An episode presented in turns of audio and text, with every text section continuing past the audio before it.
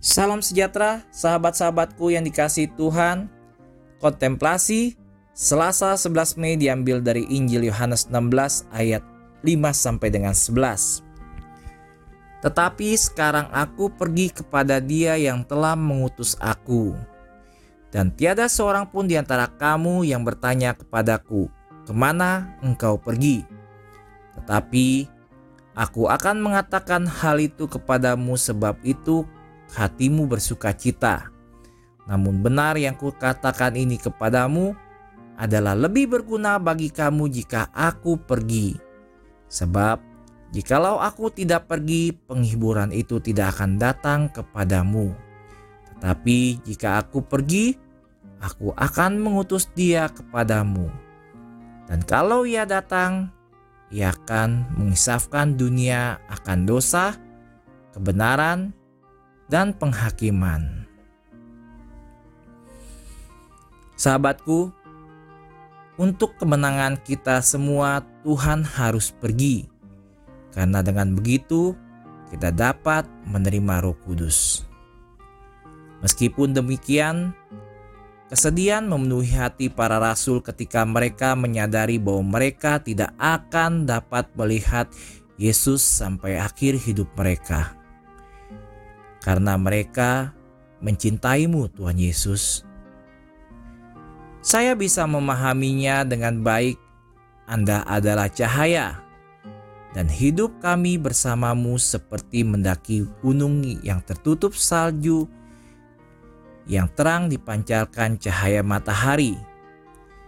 Tetapi ketika Anda tidak bersama kami, adalah seperti situasi pada malam harinya Pemandangan yang sama gelap, sunyi, dan tanpa suatu kehangatan.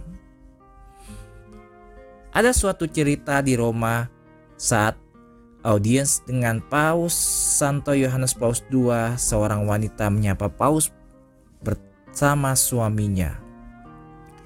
Setelah berkenalan singkat, dia meraih tangan suaminya, meletakkan di atas tangan Paus dan berkata, "Bapak suci, Bisakah kamu mengatakan sesuatu kepada suamiku?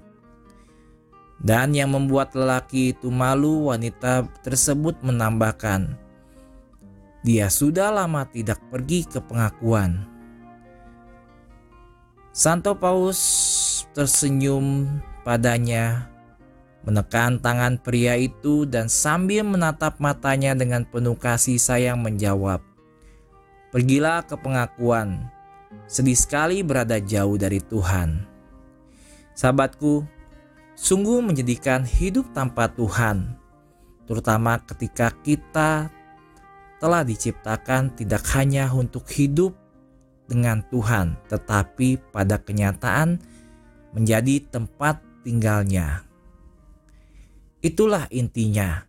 Tuhan tidak puas dengan berada bersama kita. Dia ingin hidup di dalam kita.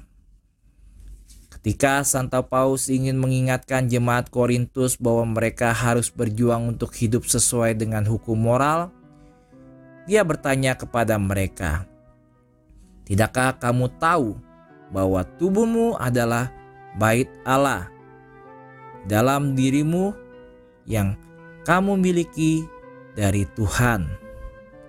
Seolah berkata, "Apakah kamu tidak menyadari kebenaran terpenting tentang dirimu?" Lalu, mengapa perilaku kita tidak sesuai? Bunda Maria, ibuku, aku menyadarinya. Roh Kudus ingin tinggal di dalam aku, dan dengan bantuan Anda, pasangan Roh Kudus, aku akan memberikan akomodasi yang baik kepadanya. Bunda Maria harapan kita dan tata kebijaksanaan, doakanlah kami.